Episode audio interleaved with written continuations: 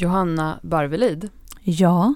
Idag eh, ska ju vi intervjua Maria Wigbrandt som är barnmorska, författare och utbildar personliga tränare och barnmorskor kring det här med träning under och efter graviditet.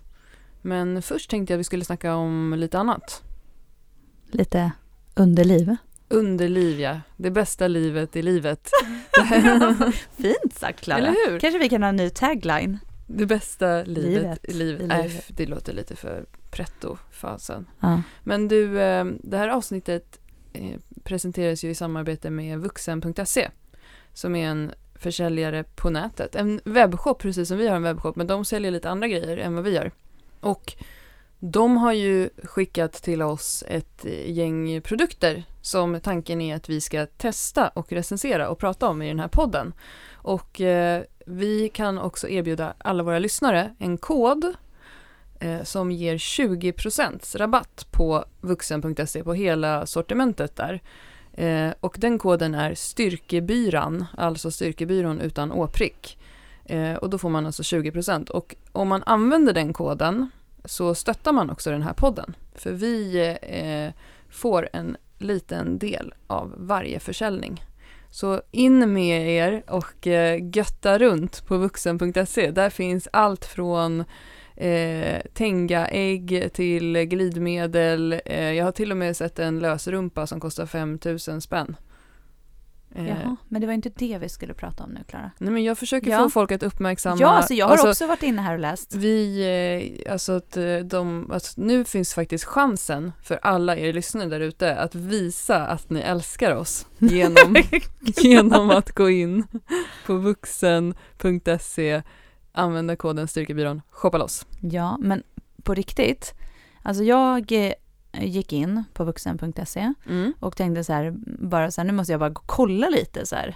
Jag måste säga att jag är lite dåligt så här koll på hela liksom the market om man då tänker njutning, Mm. eh, knipkulor och så vidare. Knipkulor tycker jag ändå att jag har lite bättre koll på. Men jag insåg ju när jag gick in där att bara okej, det finns ett gäng mer än vad jag tänkte mig. Jag där. Det finns en hel värld där ute. Ja, men alltså det är skitroligt. Alltså på riktigt, jag blev helt peppad så här och bara nu jäklar ska vi testa grejer här. För att eh, lite så här som vi har pratat om, njutning, börja gilla dig själv, se till Mm. att tillfredsställa dig själv och se till att ha koll på din bäckenbotten. Alltså om man tänker rent faktamässigt, det finns ju liksom inget negativt i det. Eh, Och ehm, vi kommer ju prata med det idag med Maria, just det här om att eh, känna sin egna liksom, kropp och då pratar vi framför allt om underlivet, att liksom fan våga titta, våga känna efter, Mm. var inte så rädd för vad du ska se och vad du ska känna och så vidare. Och att du faktiskt måste lära dig känna din egna kropp innan liksom du kommer kunna få njutning och hjälp av någon annan. Mm. Ja, det finns ju jättemycket roliga saker man kan göra med sig själv. ja, det är alltså, me, myself and I liksom. Exakt. Ja. Eh, livet går inte under bara för att man inte har en partner. Nej men på riktigt så, det pratade vi om förut i det avsnittet där vi pratade om knipträning och bäckenbotten sist. Att eh, det hjälper ju, alltså du kommer få bättre orgasmer om du har ett bättre knip. Det går liksom hand i hand. Och då kan man ju faktiskt göra de här sakerna, man kan knipträna samtidigt som man orgasmtränar. Så slår man liksom flera flugor i samma smäll. Men Johanna, berätta, vad, vi fick ju lite olika produkter som vi pratade om i förra avsnittet, när du också sa ordet vikingcock några Mm. gånger, vilket jag tyckte var väldigt härligt. Vi kommer inte prata om vikingcock Nej. idag, men du har ju testat eh, några knipkulor till idag. Ja, jag har testat och som heter, de heter Girl Power och jag nämnde ju det tidigare. Eh, Och för det första så är det så här en assnygg ask som de ligger i, som det står så här stort Girl Power på. Och att det är verkligen så här träning. Eh, och eh, det är tre stycken olika knipkulor. Eh, och det är tre olika vikt på dem då såklart och storlek. Och de är så här snygga, de är svarta i silikon såklart, det är så material som, som det mesta är i, inte Mm. allt. Eh, men som då är den lätta kulan är en lite större kula som är en enkel och sen så har den som ett, eh, i samma material som liksom ett litet handtag eller vad man ska säga. Så det, det är verkligen så, det känns lite som ett hantelset, typ så, alltså i känslan. Mm. Snygga. Och sen eh, nummer två då som är lite tyngre, den har, är lite mindre kulor och lite tyngre och sen är det två som sitter ihop liksom som en ser ut som en sån här hantel som är lite rundad. Mm. Och sen har den också ett sånt eh, som man kan, liksom handtag som man kan hålla i. Och sen den tredje är likadan fast lite större och tyngre. Och eh, eh, jag har testat dem därför och då jag började med den lätta och så här bara knep, knip, knep. Eh, gick runt med den och skulle se. Nu så är det ju så att jag insåg när jag gick runt med de här att det finns ju olika typer av snören och så påfästningar på kulorna. Som, Mm. eh, de här var ju ganska så här stora Mm. eller liksom så här, och i silikon. Så att de kanske inte är så här jätteoptimala att så här springa runt i hemma för att de, den där snören liksom, den blir, dels så blir den typ, lägger den sig lite fel så blir det i och för sig lite stimulans men det är ändå så att det, blir lite, den kan ju bli lite i vägen liksom. Men är den liksom hård som Ja, kulan den är som eller är den silikon. mjuk? Ja, den är lite, alltså de är ju inte hårda som är hårda, att den, är, den är, är ju den står inte rakt ut som en Nej, den glasspinne? förflyttar, nej precis, den rör sig ju lite, den är, men den är ändå i silikon. Mm. Men så jag testade i alla fall och det funkar ju så här. Jag tyckte att inte de funkade så mycket att gå runt i. Det är inte en så här som du sätter i och sen så går du runt hemma skulle jag säga. Mm. Men eh, jag eh, testade ändå så här, jag gick i trappor, jag körde typ ett litet träningsprogram hemma. Mm. Med så här, gå i trappor, eh, knipa, slappna av lite och se vad som hände och så vidare. Men jag gillar dem som, dels för att jag tror att många skulle, tycker ändå att, eller som jag tycker att de är så här stilrena, de känns fräscha eh, och liksom snygga. Det känns verkligen som ett träningsredskap och det är lite det, jag- min uppfattning är att de vill att man ska tycka också. Mm. Att det är lite så här, här har jag min träningsväska, jag har mina, mitt magnesium, jag har mitt träningsset med kulor liksom. Så jag tyckte att de var, de kändes väldigt så här schyssta. Mm. Och eh, liksom rent viktmässigt så tyckte jag att det var så bra stor skill- eller skillnad på dem. Jag tror att den minsta väger typ 37 gram och den tyngsta vägde 97 gram. Mm. Så det är ändå ganska stor skillnad liksom. Så att eh, de har jag testat och eh, just att man har det där eh, snöret gör ju också att du kan jobba med olika som vi pratar med, att man kan knipa och sen ska man dra ut snöret samtidigt som man då håller kvar kulan. Just det. Och det kan man ju då göra om man vill göra det tillsammans med någon. Eller så gör man det själv, det funkar Mm. ju också.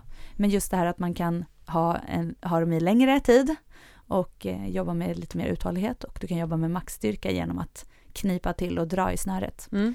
Så jättebra, kanske som sagt inte om man ska ha dem och gå runt och stå och laga mat i dem hemma liksom.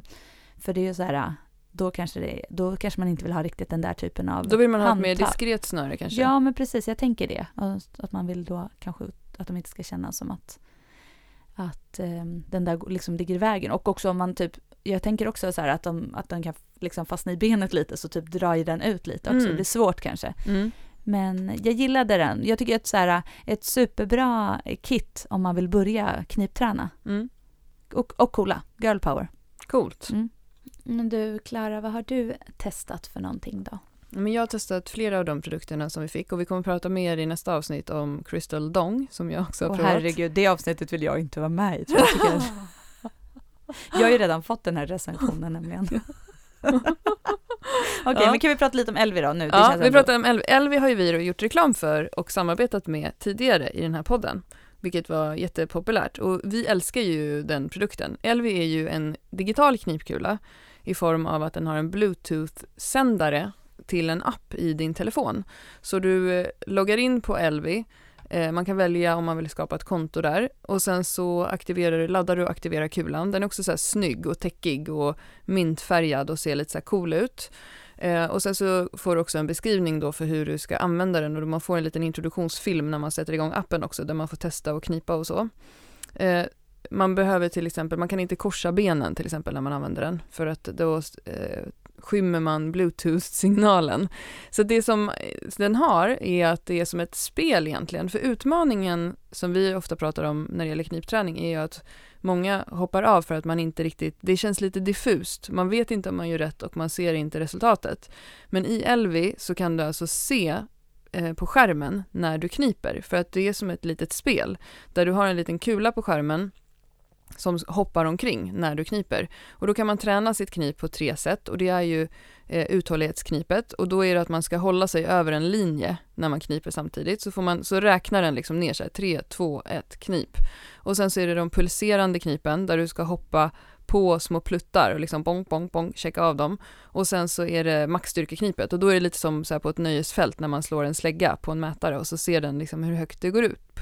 Och i och med det här knipet så eh, eller i och med det här spelet så kan man också då levla. För du ser vad du har knipt för, för styrka förut, du ser hur många pulseringar du har klarat förut och så kan du eh, öva på att förbättra det. Och sen kan du ställa in olika träningsprogram om du vill träna för att bli starkare, om du vill träna efter graviditet. Jag ställde in att jag vill ha ett bättre sexliv. Eh, och då kan du också välja hur många gånger i veckan du vill träna. Jag tog såklart högsta nivån direkt, så här, överambitiös, och så gjorde jag tre träningspass på en gång för att jag också ville riva av. Det säger det här mycket om mig. Ja, det gör det. Och det är så också så här, hur du inte skulle säga till dina kunder, det är det härligaste. Ja, jag vet, jag, jag, jag, jag övergjorde det lite kanske. Eh, och sen så är det bara att testa. Och jag, både du och jag har ju testat Elvi förut och just testat att, att använda den i olika positioner. Eh, jag började med att göra det stående i badrummet så då hade jag appen på handfatet så att jag bara såg hela tiden vad jag gjorde. Och sen har jag testat liggande i sängen eh, och sen så har jag testat att stå på alla fyra i sängen. Och jag tycker att liggande i sängen är det svåraste eh, för mig. Och Eh, jag upplever att stå på alla fyra, det upplever jag också överlag med mitt knip, att då känner jag att jag får väldigt bra knip.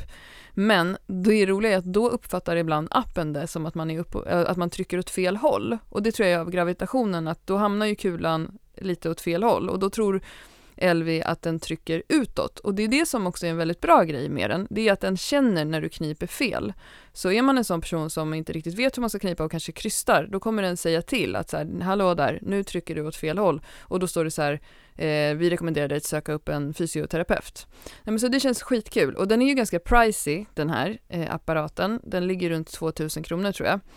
Eh, men om man ser det som, vad, vad, är det, det är ju inte ens tre PT-timmar hos oss, så kan det ju kanske vara värt eh, om man inte riktigt har koll på sin fitta, alltså och sitt knip och känner efter en graviditet och inte riktigt vet. Och om man vet med sig att man är en sån person som, det är ju jättepopulärt med appar idag, att bokföra sin träning, att se att man levlar, att ha koll på statistik, då tycker jag att det är ett jätteroligt sätt att få in det. Och den kommer också i två storlekar, så du kan koppla på en extra hylsa om du behöver ha en större eh, att knipa omkring. Mm.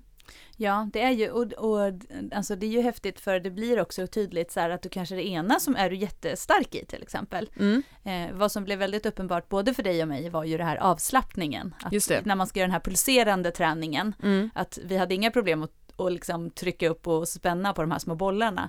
Men att vi hamnade aldrig riktigt nere i botten som den är ute efter att man ska göra Exakt, just emellan, för att, för att då hinna pulsera igen. Så mm. den den måste jag verkligen öva med på. Jag har jättesvårt för det där med bäckenbottenavslappning eh, och får ju lätt eh, korgasm när jag Ja, vi får prata lite mer med Maria om det idag. Ja, se om hon, ja, har, om hon, kanske har lite tips oss. till mig. Ja, precis, tips, tips till oss. Mm. Ja, men det blir jättekul. Men, ja, men det, och sen så, jag tänker också det här att eh, när det gäller de här produkterna och att om man vill testa någonting, att liksom mm. börja enkelt. Ja, alltså, man behöver man inte börja med en LV Nej. om man inte vet att man verkligen vill ha en sån. Alltså... Eller så är det tvärtom, att det är en LV man ska börja med för att den också ger så pass hjälp. Ja. Men att generellt tycker jag, addera någon typ av eh, kula eller någonting, eh, gör ju ändå att man får lite hjälp att förstå. För att om du till exempel har en knipkula inne då som, mm. eh, som, som hände för dig när du hade fått barn, när du mm. testade med en knipkula och den trillade ut. Ja, det blir ju väldigt uppenbart då att man inte har knipet. Mm. Och kanske är det så att man är så här, men jag vågar inte. Jag tycker att det är lite obehagligt för jag vet inte vad jag ska få för svar. Men då behöver man ju verkligen testa tycker jag. Mm. För att någonstans, det här är ju ändå en så stor del i vårt liv. Ja. Och jag tror att det finns ingen som inte vill typ ha en bra kroppskännedom om sitt underliv. Det finns ingen som inte vill eh, kunna få orgasm kanske. Mm. Eh, så jag tänker att det finns ändå Det finns här... ingen som inte vill kunna böja tresiffrigt. Jo men det finns det verkligen. Men det, det, okej så det finns ingen som vill kissa på sig, det är samma sak. Nej, precis, alltså, jag skojade ju, lite. Vi lägger inte den, den kärleken på våran bäckenbotten och vårt underliv som vi borde göra. Mm, nej, så är, så är, det. Så mer kärlek till det. Ja. Och nu så snackar vi lite med Maria. Ja, det gör vi. Men jag säger återigen, koden Styrkebyrån, använd den så blir vi jätteglada. Gå in och kolla på vuxen.se. Nu kör vi!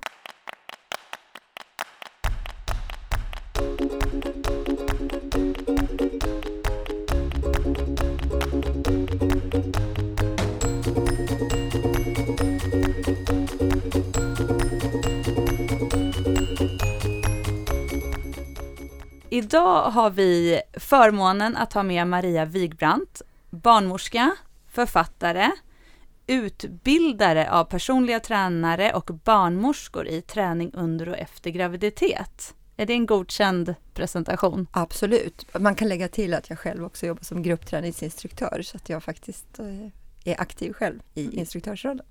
Mm. Välkommen hit. Tack. Tack. Maria, kan inte du berätta om när du fick barn?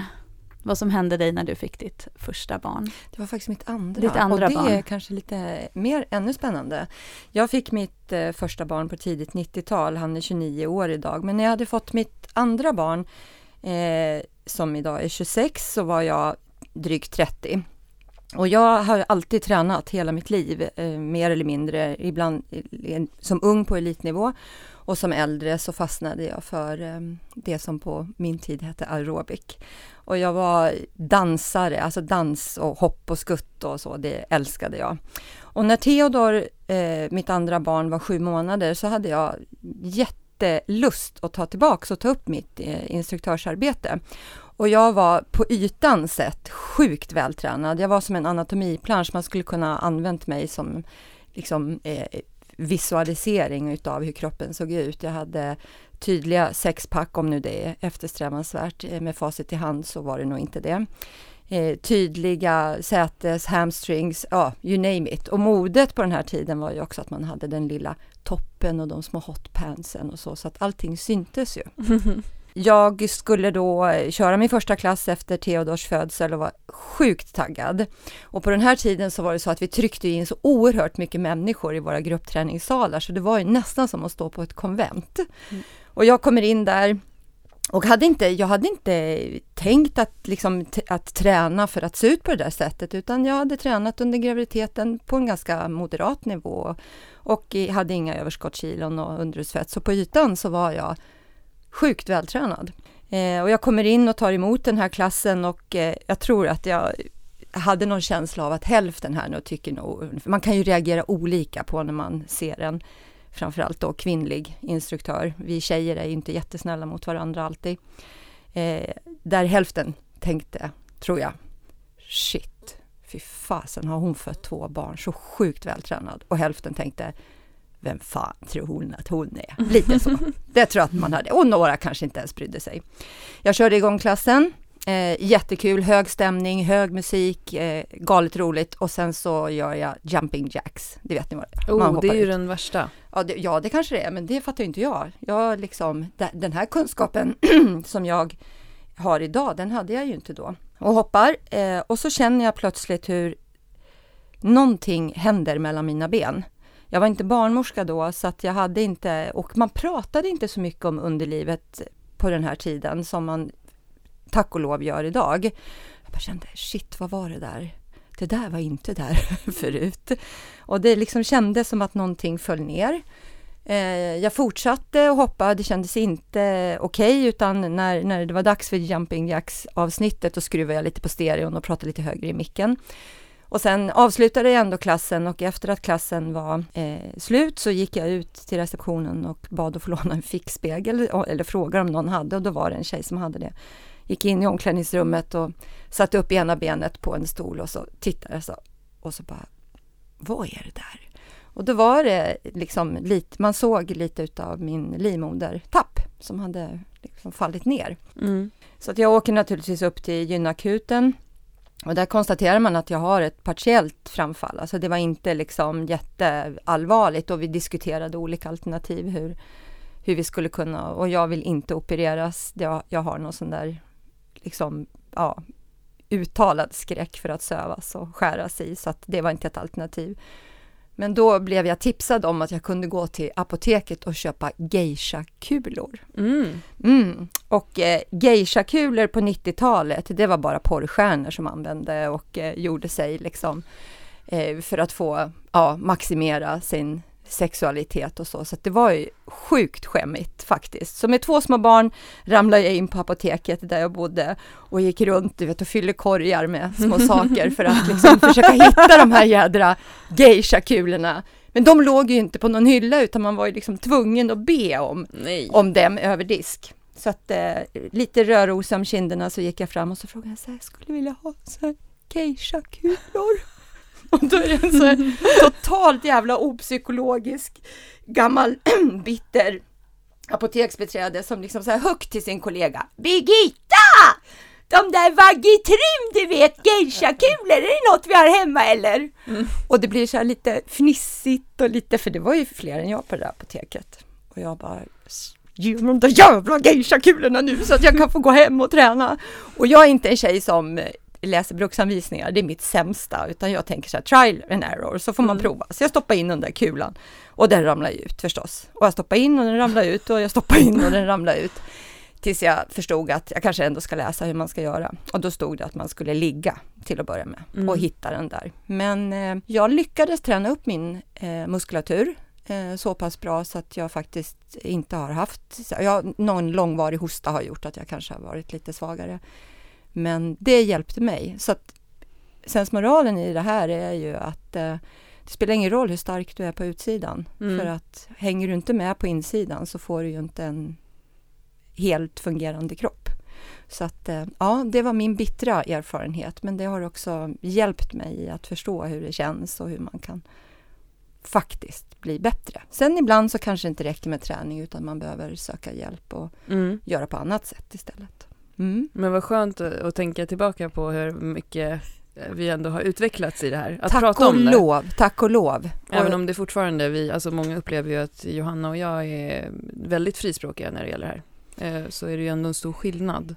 Fast jag undrar vad det är man tycker är frispråkigt. För att i min värld så är det här en muskel, precis som vi pratar om biceps curl eller liksom knäböj för sätet och ben. Jag, det handlar ju om den egna värderingen då. De som upplever att ni är frispråkiga, de kanske ska fundera på vad de själv går omkring och tänker på. Jag tycker att det är bra att ni pratar om det. Heja Mm. er! Ja, men jag tror också att, som vi har pratat om tidigare, att det är, lite, det är fortfarande lite skämselkudde. Mm. Vi är ju så här, ta fram de där knipkulorna som tack och lov idag, eller tack och lov, idag behöver man inte köpa dem ur disk och det Nej. finns en uppsjö av olika varianter, digitala och eh, liksom både blir roligare men också att man kan se framsteg i form av att de väger olika och så vidare. Mm. Eh, och också att så här, men använd det lite mer så här, som, som du säger att det är en träning. Mm. Alltså, gå inte runt hemma och tycka att det är lite så här, åh nu är ingen hemma, nu kan jag träna lite knip, utan fan gå runt i kök och laga mat med de där Ja, knipkulorna. liksom. Och tänk att det är som jag brukar säga, tänk att det är som en hantel för snippan. Alltså Mm. likväl som du står och gör biceps curl, nu tar jag bara det som ett exempel, det kanske inte är en prioriterad övning. Men eh, så... Alltid prioritera. Ja. Diskoträning. Mm. Eh, nej men eh, det är lika viktigt. Mm. Så att eh, jag tycker det där är ju fantastiskt när du står och lagar och så lite bra musik och så kan man knipa i takt. Jag brukar kanon. även rekommendera att man kan använda dem när man onanerar. Absolut. Alltså att det blir roligare Ja, då. Alltså ja. då blir, får ju också Mm. träningen en... Mm. Tjejer borde generellt, jag hoppas att ni gör det brudar som lyssnar på det här, men just onani är ju Mm. liksom sex med sig själv, eh, är också ett jättebra sätt att faktiskt träna och slappna av i bäckenbotten. För det blir ju liksom both ways. Ja men Mm. verkligen. Vet ni hur många tjejer jag träffar eh, i mitt arbete som barnmorska som aldrig någonsin har tittat på sitt underliv? Det tycker jag är skrämmigt och då brukar jag säga att eh, om du inte har sett hur det ser ut när du är frisk, då har du ju ingen aning om hur det ser ut när det eventuellt inte är okej. Mm. Så fram med fickspegeln och kolla då och då och känn efter så att det liksom eh, det är funktionellt, precis som man tittar i munnen eller på andra delar av kroppen, känner på sina bröst så att man inte har knölar. Mm. Samma sak här.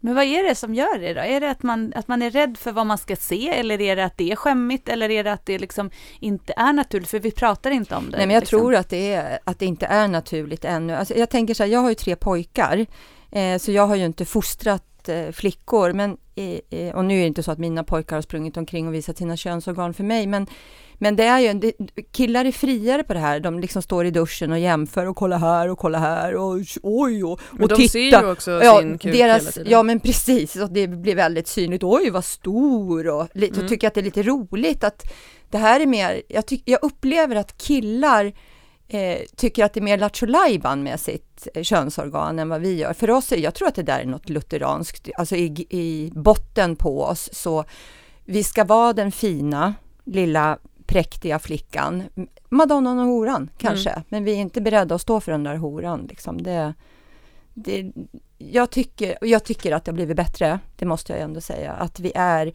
tjejer är bättre på tar för sig och vågar mer. Men det är fortfarande många som är, helst inte vill prata om det. Ja, och jag tror också att det är många som får barn får ju en liten jag fick det i alla fall, en identitetskris i att så här, vem är jag och min kropp känns helt konstig. Mm. Och då kan det också kännas väldigt skrämmande om man också gått igenom någonting med sitt underliv, att liksom embracea det och bara, vad kul, nu ska vi träna upp det här. För vi säger ofta till nybörjare som kommer till oss med träning att så här, vad kul, alltså nu kommer du ha den roligaste perioden eh, inom träning. För sen när du blir vältränad, då kommer det bli jättesvårt att få sådana här resultat. Eh, men så tänker man inte riktigt med sitt underliv efter en förlossning eller Nej. så. Att, vad kul det ska bli att komma men, i form igen. Men det är också så himla spännande, för jag har heller aldrig, jag har ändå tre barn, mm. och jag har aldrig tänkt tanken så här att mitt underliv inte är enough eller att jag inte skulle liksom, att den skulle vara schysst efter att jag fått barn. Nej. Alltså det är ju verkligen ett mindset mm. också, mm. att så här, mm. det har inte ens funnits i min, det är klart det kommer vara det, det löser sig liksom. Sen så tränar jag eh, både mycket knip liksom, men också att jag tränar där hela tiden knipet är. Idag lyfter jag jättemycket vikt och jag har aldrig läckt. Nej. Jag har båda mina barn sprungit ett långlopp ett år, eller de sista två, ett långlopp ett år efter de har fötts och inte haft minsta lilla problem med knip, trots att jag har varit totalt utmattad i hela kroppen. Mm. Och för mig är det så ett kvitto på att all min träning som jag har gjort har gett resultat. Mm.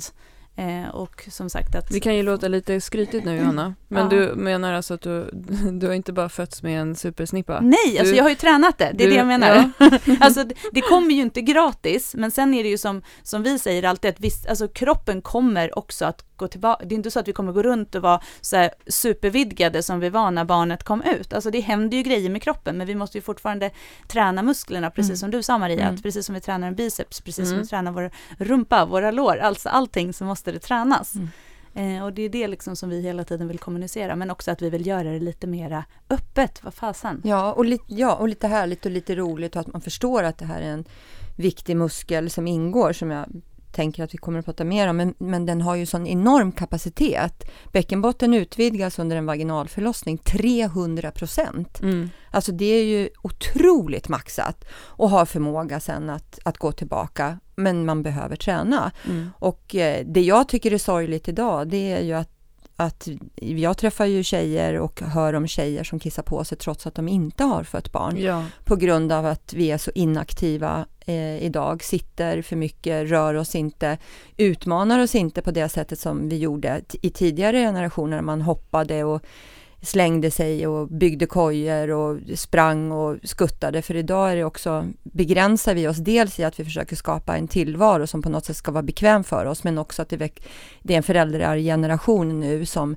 som säger aj, akta farligt, får inte. Så att, eh, den här, och det har man ju tittat på, det vet jag inte om ni känner igen, men att den här generationen som växer upp nu, det är den generationen som kommer i historien leva kortare än sin föräldrageneration på grund av inaktivitet, dåliga matvanor. Det är mm. extremt sorgligt. Mm. Och jag upplever inte att det blir bättre, för jag tycker att många är rädda idag, även nyblivna föräldrar, där man passar sina barn, man skjutsar till och från allting. Barnen får inte klättra i träd, de får inte hoppa hoppa ner från saker, alltså allt det där som ett barn behöver i sin motoriska utveckling för att också stärka upp sin kropp. Mm. Så det är inte konstigt att vi har 15, 16, 17, 18-åriga tjejer som kissar på sig. Men det är sorgligt.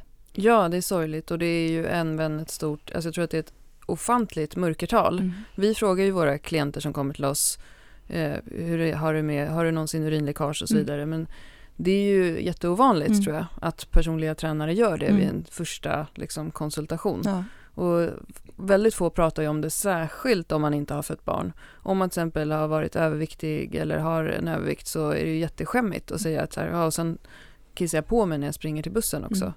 Så därför försöker vi lyfta det här eh, hela tiden. Och sen finns det också en, det är, det är ju lite så här knackig terräng att ge sig ut i, för det finns ju någonting eh, som har skett i sociala medier kring träning och knip där man har eh, pratat om att man inte ska skämmas för till exempel urinläckage vid träning. Att eh, det finns, det har kommit via crossfit-kulturen där man gör alla de här uh, double unders, hoppen och det gjordes en film för några år sedan på Crossfit Games där man gick runt i publiken och frågade kvinnor, kissar du på dig? Och kvinnor Och man lyfter det som att så här, det här ska vi inte skämmas för. Och det är ju jättebra. Lite som att det är okej att kissa på Ja, sig. men vi vill alltid också trycka på att gör du det så har du en dysfunktion. Det är inte bra. Det ska inte vara, det är inte normalt att du kissar på dig vid träning. Som du säger Johanna, du gjorde åtta set med treor böj på 105 kilo häromdagen. Och du har ju inte en tillstymmelse till urinläckage då. Och skulle du ha det så är det liksom inte okej att skylla på att du lyfter tyng- tungt och att du är kvinna och då ska det vara okej. Så det är knep, det är lite så här s- klurigt det där. Ja, men då tycker jag att vi bara kan enas om det att eh, eh, om du kissar på dig vid aktivitet eller nyser eller hostar så har du precis som du säger eh, en icke-fungerande bäckenbotten. Du har en dysfunktion, då behöver du söka hjälp Mm. eh, med det och eh, ta reda på vad du ska göra för att det ska bli bättre. För ingen ska behöva kissa på sig ofrivilligt. Nej, precis. Och det är också eh, så en sak som är så intressant med det är ju att när man har tittat på forskning kring knipträning så har man sett att 80% av alla kvinnor som i studier har kniptränat aktivt i tre månader har blivit hjälpta av det. Mm. Men hur får vi folk att göra det? För det är ju det här, det är sjukt tråkigt, det är svårt att veta om man gör rätt, det är svårt att se att man liksom levlar. Men, ja, men då har vi den här härliga appen där man kan levla upp sig då. Det är lite Ja. kul, Elvi. Men det som jag tänker på, det är ju att hur, hur många av Sveriges befolkning borstar tänderna? Mm. Ja. Hur kommer det sig att, att vi har lärt oss att göra det Mm. i förståelse för att anledningen till att vi gör det, det är för att vi vill ha en god tandhälsa, vi vill behålla våra tänder i munnen. Vi borstar tänderna två gånger om dagen, kanske ibland tre. Det gäller att hitta tillfällen som man associerar med bäckenbotten, som att man associerar tandhälsa med att borsta tänderna. Varför kan man inte knipa samtidigt som man eh, borstar tänderna till exempel? Om man, det hinner man göra 30 knip under den, de två minuterna man ska borsta sina tänder. Mm. Eh, Jag brukar säga till, för jag får precis den här frågan också, hur ska jag hinna, när ska jag göra det, jag kommer inte på. Då, Det då, är tråkigt. ja, då brukar jag säga så här att varje gång som du håller på och pipplar med din telefon, Mm. då ska du knipa. Då var det en tjej som sa så här, fan du kommer ju bli sjukt stark. ja. För att den där telefonen har vi ju, håller vi ju på med hela tiden och om vi skulle kunna få in det som en reflexmässigt beteende eller att varje gång som jag lägger upp något på Instagram eller är på Facebook, Mm. då ska jag knipa. Mm. När man är nybliven mamma varje gång du matar ditt barn, ammar eller flaskmatar, så ska du ägna dig åt att knipa. Mm. Då får man, eller sätt, sätt på något litet alarm på telefonen. Knip! Mm. Alltså Ja. det gäller ju att skapa Ibland så tycker jag att vi gör det så svårt för oss. Jag hinner inte, jag kan inte, när ska jag komma ihåg? Nej, men hur gör du med allt annat som du Ja. ska komma ihåg då? Ja, ja. men ja jag vi tänker väntar också att på det- motivation, att Ja, den ska exakt. komma. När den kommer. När, när jag har blivit, eh, jag ska bara komma i form först, sen ska jag komma och träna hos dig Mm, Johanna. Hur just många det. gånger har du hört det? Ja. Ja. Men jag tänker att det också är lite det här precis som, som oftast blir med träning när man ska komma igång och träna med motivationen, att man gör så höga trösklar. Alltså man Just det. gör den här knipträningen det. så mycket mer än vad den kanske måste vara. Att istället för att bara bestämma så här, okej men jag ska knipa så här, knipa, släppa, knipa, släppa, typ Mm. när jag borstar tänderna. Ja, Inget mer.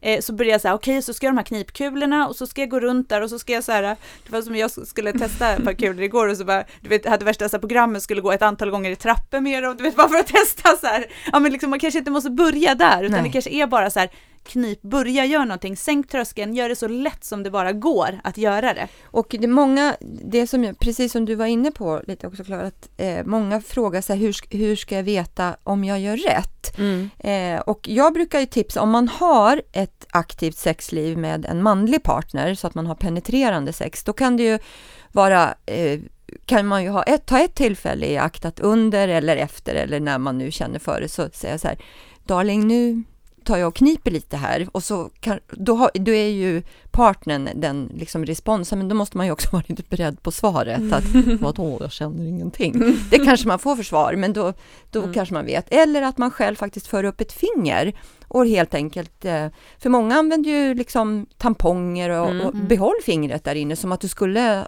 sätta in en tampong. Mm. Och så knip om fingret, för du får en ögonblicklig bekräftelse på om du faktiskt kan krama. Många tjejer sitter ju och kniper av Kistrålen, det hör jag allt för ofta. Det är inte ett smart sätt att träna på och det skulle jag vilja att man liksom undviker. Man kan prova det bara för att förstå var det är man, liksom var, vilken region det är man behöver aktivera. Men att sitta och, och knipa av kistrålen, det, det är inte jättebra. Dels så blir det svårare att tömma urinblåsan och sen blir du bara stark fram till. Du behöver ju bli stark i hela mm. muskelplattan och det är ju många muskler i, i bäckenbotten som har flera olika namn och funktioner.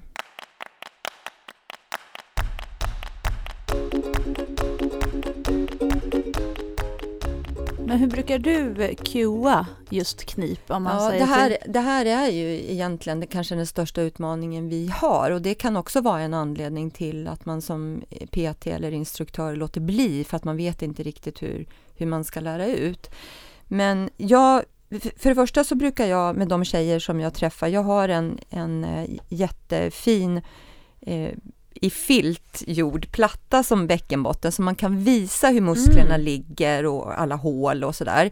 Och eh, att man tänker som att det här är en liksom, botten i våran kropp. Och sen, sen brukar jag försöka förklara att du ska tänka att du ska stänga igen alla öppningar och börja bakifrån.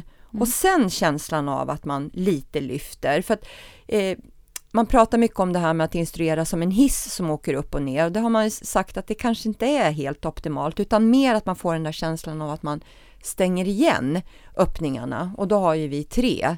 Eh, och det vanligaste är att man liksom lite glömmer bort eh, ändtarmsöppningen, utan man fokuserar väldigt mycket framåt. Jag hade en instruktörskollega, hon sa, tyckte jag var eh, jag förstod vad hon menade, att tänk dig som Tänk dig underlivet som en prisma, det vet mm. ni hur det ser ut, mm. att mm. alla hörnen ska närma sig varandra lite mm. grann. Det kan vara ett sätt. Sen tycker jag att man ska prova olika ställningar, för att det, en del har svårt att sitta, då spänner man lätt sätet eller insidan av låret. När man ligger i en gynställning som vi då gör efter kontrollerna på, det är ju skitsvårt på ren svenska att knipa när du ligger med benen isär på det där sättet. Så mm. kanske stå på alla fyra med huvudet lite lägre och rumpan uppåt. Det vet jag att det är många som tycker att det är mycket lättare för att slappna av i rumpan när du blir hängande på det sättet. Eh, ja, lig ligga på rygg med benen lätt böjda mm. kan också vara ett sätt. Så man får, man får prova sig fram. Men att liksom ta på sig själv och känna eller be partner då eller någonting och knipa om, det är ju ett ögonblickligt eh, test på att ja, men nu har jag fattat. Det är jättebra med knipkulor, att ja, man kan hålla det. i snöret mm. eller hur de nu är designade och sen så kan man knipa och känna att man känna håller att man emot. Händer, ja. Att den liksom mm. dras in mm. där då.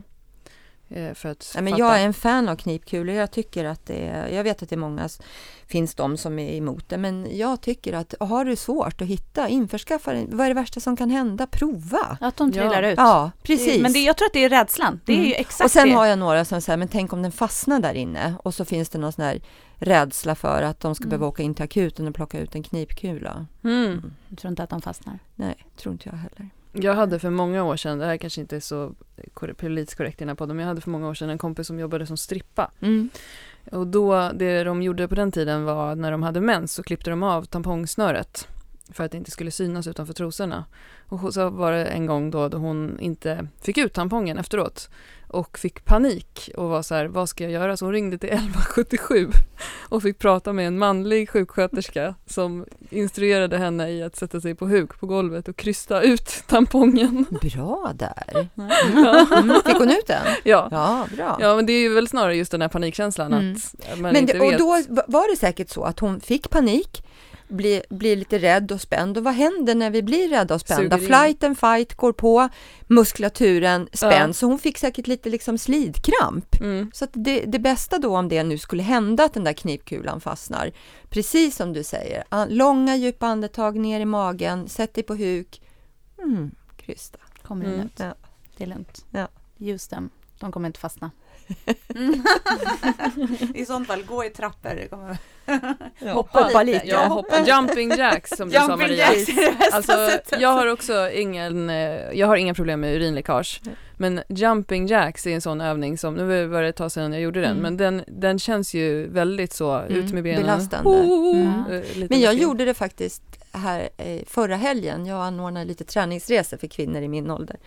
Och då hade jag en liten föreläsning om det här och då gjorde jag några jumping jacks. Det gick alldeles utmärkt. Vad skönt. Mm. Ja, Ja, faktiskt. Nej, men, jag, och jag ska men det inte kanske inte är den övningen man ska börja med. Nej, Nej. nej. Det är sant. Det, Mm. det kommer vi tillbaka till, Mm. tänker jag. Mm. Men du, jag tänkte fråga dig Maria, vad är liksom, för du är ju då, dels så träffar du jättemycket både män och kvinnor som utbildar sig till personliga tränare som du undervisar i just det här. Och sen så eh, andra barnmorskor, eh, för du jobbar som barnmorska. Ja. Eh, och sen så träffar du ju då massor med kvinnor i ditt jobb som barnmorska. Vad är det som de flesta oroar sig för kring det här? För vi får ju väldigt mycket så här, folk som oroar sig för saker. Mm. och ting. Tänker du bli Ja, bäck, mammorna ja, då? Mm. bäckenbotten, Mm. blivande mammor under graviditet eller postgraviditet. Den vanligaste eh, oron, om, om vi sätter det i relation till träning, eh, det är ju att det fortfarande finns en föreställning om att man kan träna ut sin bebis. Och att man törs inte träna den där första perioden för det har man någon mamma eller mormor eller släkting eller man har läst någonstans i, i icke-vetenskapliga forum att det skulle kunna vara. Och då brukar jag vara så provocerande så att jag faktiskt säger så här att, och lutar mig lite fram och ler lite snällt och så säger jag så här, vet du vad? Om det vore så enkelt så skulle inte världens kvinnor behöva kämpa för aborträtten. För då skulle vi bara kunna säga så här, stick iväg till gymmet, gör lite tunga knäböj, spring några mil så ska du se att det där löser sig. Mm. Det går inte att träna ut en frisk graviditet. Anledningen till att man får missfall är oftast 99 procent av fallen eh, anledningen att det är någonting fel på graviditeten. Sen kan man ju ha en dysfunktionell livmoder med en försvagad livmoderhals. Men det är ju ingenting som man kontrollerar eller så och vi, vi brukar rekommendera att om man har haft tre missfall i rad utan att ha haft en fullgången graviditet, då bör man utredas. Men de flesta tjejer under sin fertila period, livscykel, har tre, fyra missfall utan att det är någonting som är konstigt. Mm. Grejen idag är att vi har så raffinerade graviditetstest så vi vet ju när vi är gravida timme ett, minut tre. Så att förr i, förr i världen, det, alltså min generation, Nu, känns det, nu kände nu du dig kände jag gammal. mig jättegammal. Men då var det så, då var man tvungen att gå över två mensperioder innan man hade, för de här testen på den tiden skulle ge Mm. utslag. Så hade man inte planerat en gra- graviditet eller inte hade graviditetssymptom så tänkte man nog bara att det var en fördröjd mens när det där missfallet kom. Så det är på gott och ont att vi har så jädrans kontrollbehov idag. Mm. Så att det är en rädsla, tycker jag, att man får försöka lugna dem i och också förklara att det snarare är positivt att man håller igång. Eh, sen är det mycket rädslor kring mat och ja, man ska göra hundra ultraljud och tänker att det är någon slags försäkring på att allt är som det ska. Så att det, det finns mycket oro och eh, jag, jag tycker att den har eskalerat faktiskt. Informations Ja. eh, Mm. kanske. Mm. Google är inte alltid vår bästa vän. Nej. Nej. Nej. Om jag, googlar, om jag vaknar med huvudvärk en morgon och börjar googla, då står det ju att morgonhuvudvärk, är, då, då har man hjärntumör. Så att, eh, Mm, Mm. Det är inte så bra. nej. Men du, jag tänker en annan myt som, som också är, som jag fortfarande stöter på, eh, är ju det här med att barnet kan bli för varmt. Mm. Det här med, och jag vet inte om det egentligen bottnar i, vad det bottnar i att den kommer ifrån, men jag vet så här med bastu och Mm. bada varmt Mm. och sånt. Eh, det var faktiskt när jag väntade Jonathan, mitt första barn, då sa min barnmorska, då var inte jag barnmorska själv, men jag var ak- väldigt aktiv gruppträningsinstruktör och hon tyckte att jag var superegoistisk som fortsatte att träna. Eh, jag borde tänka på mitt barn, att det var jättefarligt och att bebisen kunde bli överhettad. Jag fick inte ihop det där i mitt huvud, för jag tänkte att alla kvinnor i varma länder, Afrika som dessutom också är väldigt aktiva, man kanske går många mil med vatten och ja, ni vet hur det kan se ut. Nej, det där fick jag inte ihop. Eh, jag vet faktiskt inte vad, varför det är så. Jag tror att det är någonting som man tänker att det ska bli. Men under graviditeten så får man en bättre temperaturreglering så att man, kroppen gör sig av mycket, mycket bättre med överskottsvärme just för att kunna bibehålla goda förutsättningar för bebisen i magen. Så att det där är gamla myter. Man kan absolut basta. Man kan absolut träna i varma miljöer om man är van vid det förstås. Så att liksom, man kanske inte ska börja med sån här hot yoga och sånt om man aldrig har gjort det förut för att blodtryck och lite sånt att det kan vara, man behöver en invändningsperiod. Man kan absolut träna eh, liksom intensivt. Eh, så att det man ska tänka på det är att man har en god vätskebalans för att i och med att du svettas mer så gör du också av med mer vätska. Så jag brukar alltid säga att är det så att du tränar så att du blir väldigt svettig och varm, ha Resorb i din vattenflaska.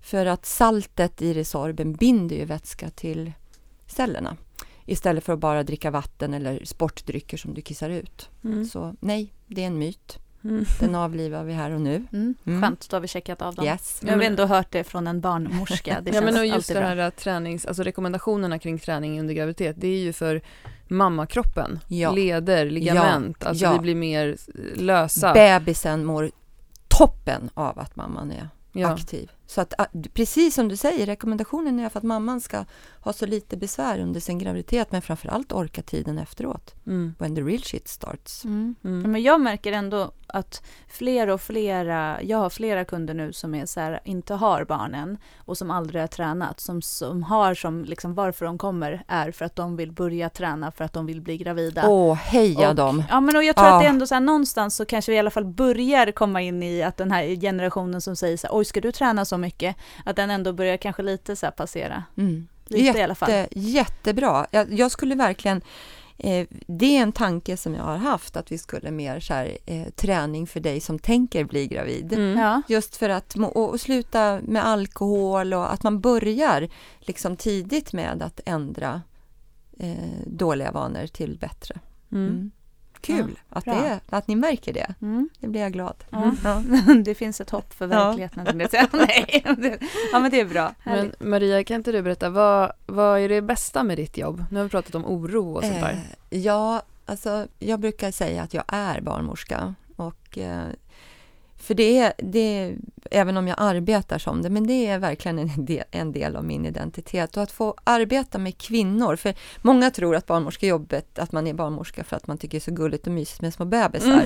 Det är inte anledningen. Utan att, eh, att hjälpa och stötta och stärka kvinnor inför kanske en av de största livsuppgifterna vi har, att bli förälder. Det är någonting jävligt coolt på ren svenska. Att eh, kunna bidra med egna erfarenheter, eh, hjälpa och stötta där de känner sig oroliga och få dem att tro på sin egen kraft och förmåga. För det är någonting som jag lite tycker att många tjejer idag saknar och det kanske beror på att vi inte bor som vi gjorde förr. Vi, har inte, vi bor inte nära mamma och släktingar och vi har inte sett barn födas i någon kökssoffa. Och eh, det är inte en naturlig del som det var tidigare och vi är så väldigt, väldigt oroliga och vi möts av så otroligt mycket skräckhistorier. Och det är klart att det händer saker. Jag vill inte på något sätt liksom det behöver vi också prata om, men majoriteten av gångerna så går det ju faktiskt bra. Och om man Mm. pratar om att det var härligt och fantastiskt, då är man nästan inte PK, utan det får man inte göra. Och vem tror du att du är? Och, och, och tror du att du är någon bättre nu bara för att du tycker att det är härligt? Det finns olika sidor utav det här. Men just det här att få stärka och stötta och mötet. Mm. Mötet med båda blivande föräldrarna om det finns två. Det är många tjejer idag som väljer att skaffa barn själva. Och då eh, får man ju stötta på, på det sättet man kan med dem. Men liksom, förlåt killar, men jag måste säga det här, men den här kvinnokraften Mm. som finns med liksom starka tjejer, Mm. det tycker jag är coolt. Vad härligt. Ja. Men hur ser dina veckor ut? För du jobbar ju både som barnmorska och sen Ja. så skriver du en bok som vi ska prata om och har skrivit flera, eller en, En eller flera, bok. Mm. en bok innan och Mm. sen så jobbar du som utbildare som Ja. Johanna sa också. Mm. Hur fördelar du din tid? Ja, ibland undrar jag det själv, men eh, eh, man, emellanåt så är man lite Duracell-kanin och ehm, så. Men jag jobbar, eh, jag jobbar inte heltid som barnmorska och Mm. det har, eh, har varit ett aktivt val också för att jag har en, eh, min minsta pojke tävlar ut försåkning så att man behöver finnas, speciellt skidsäsongsperioden. Eh, men jag jobbar måndag, tisdag, onsdag och, eller måndag, tisdag, onsdag, torsdag och de dagar som jag är då ledig eh, gör jag sånt här Mm. eh, som jag tycker är energigivande och när jag får tid så sätter jag mig och skriver. Och sen har jag ju liksom schemalagt och planerat mina utbildningar så då kan jag ju planera mitt jobb efter det också. Det är fördelen med den arbetsplatsen jag jobbar på idag att jag kan planera min tid själv. Det är fantastiskt. Mm. Ehm, och det skulle ju inte gå annars. Jag har ju tidigare jobbat inom förlossningsvården, vilket jag i och för sig saknar. Det ska jag ärligt erkänna och jag hoppas att jag någon gång får komma tillbaka.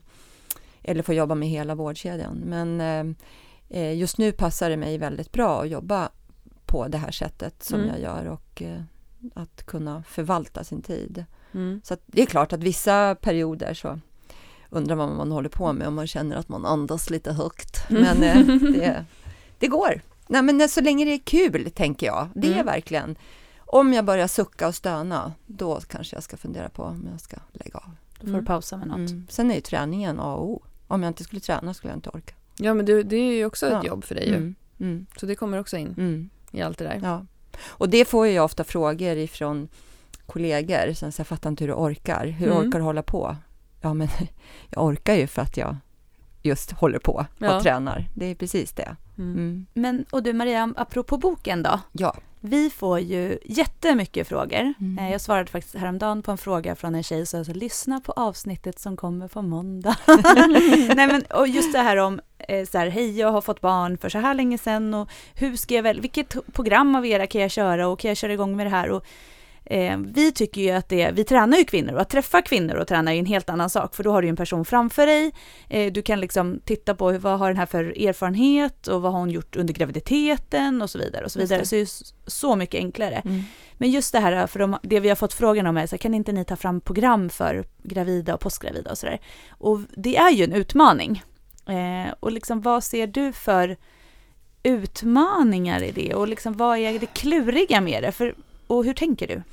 Nej, men jag tänker, eh, och jag har ju förmånen att samarbeta med väldigt kloka kollegor, eh, Rebecka och Malin, som också jobbar på Safe där jag är, som är kiropraktorer och ser kvinnor ur ett annat perspektiv än jag. Och det, det vi upplever gemensamt, det är ju att man saknar, eh, för att börja från start, eh, kroppsmedvetenhet. Eh, hur står jag, hur går jag, eh, hur andas jag, hur beter jag mig i min vardag? Och de flesta idag eh, är väldigt inåtroterande och framåtlutade och mycket av arbetet, vare sig man har barn eller inte, sker på kroppens framsida. Så när jag har tittat på hur blivande och nyblivna mammor beter sig eller rör sig så tänker jag att det är utifrån deras svagheter man behöver skapa program. Och det är klart att man kan göra generella styrkeprogram som är bra, där vi liksom jobbar i alla rörelseplan och alla grundövningar, liksom fällningar och liksom rotationer, allt det där som ni säkert redan jobbar med. Men tänka postural muskulatur, muskulatur som bär oss hela dagarna. Eh, och eh, det är ju eh, framsida lår, alltså vader, ryggen, skulderblad, att, att vi liksom tänker och jobbar, men framför allt jobba med hållningen eh, och andningen och sen bygga eh, enkel styrketräning. Less is more. Jag tycker ibland att man gör det så svårt för sig. Liksom gör lite knäböj och något utfall och rotera lite eller tänka lite så här. Vad gör du i din vardag? Ja, man böjer sig ner, man plockar upp något från golvet, lägger upp på en hylla. Ja, det Mm. blir ju en knäböj, tåhävning, press. Mm. Lite så. Så att eh, eh, visst kan man göra generella träningsprogram och det går jättebra att, att följa. Men om jag var tjej och genuint intresserad av, då skulle jag verkligen se till att träffa någon som kan titta på just mig, för vi är alla unika. Och jobba med stabilitet över leder som vi är svaga i. Och det är ju hos oss tjejer ofta axlar och handleder och fotleder. Jobba upp rörlighet i, i leder där vi ofta är tajta, som höfter och bröstrygg.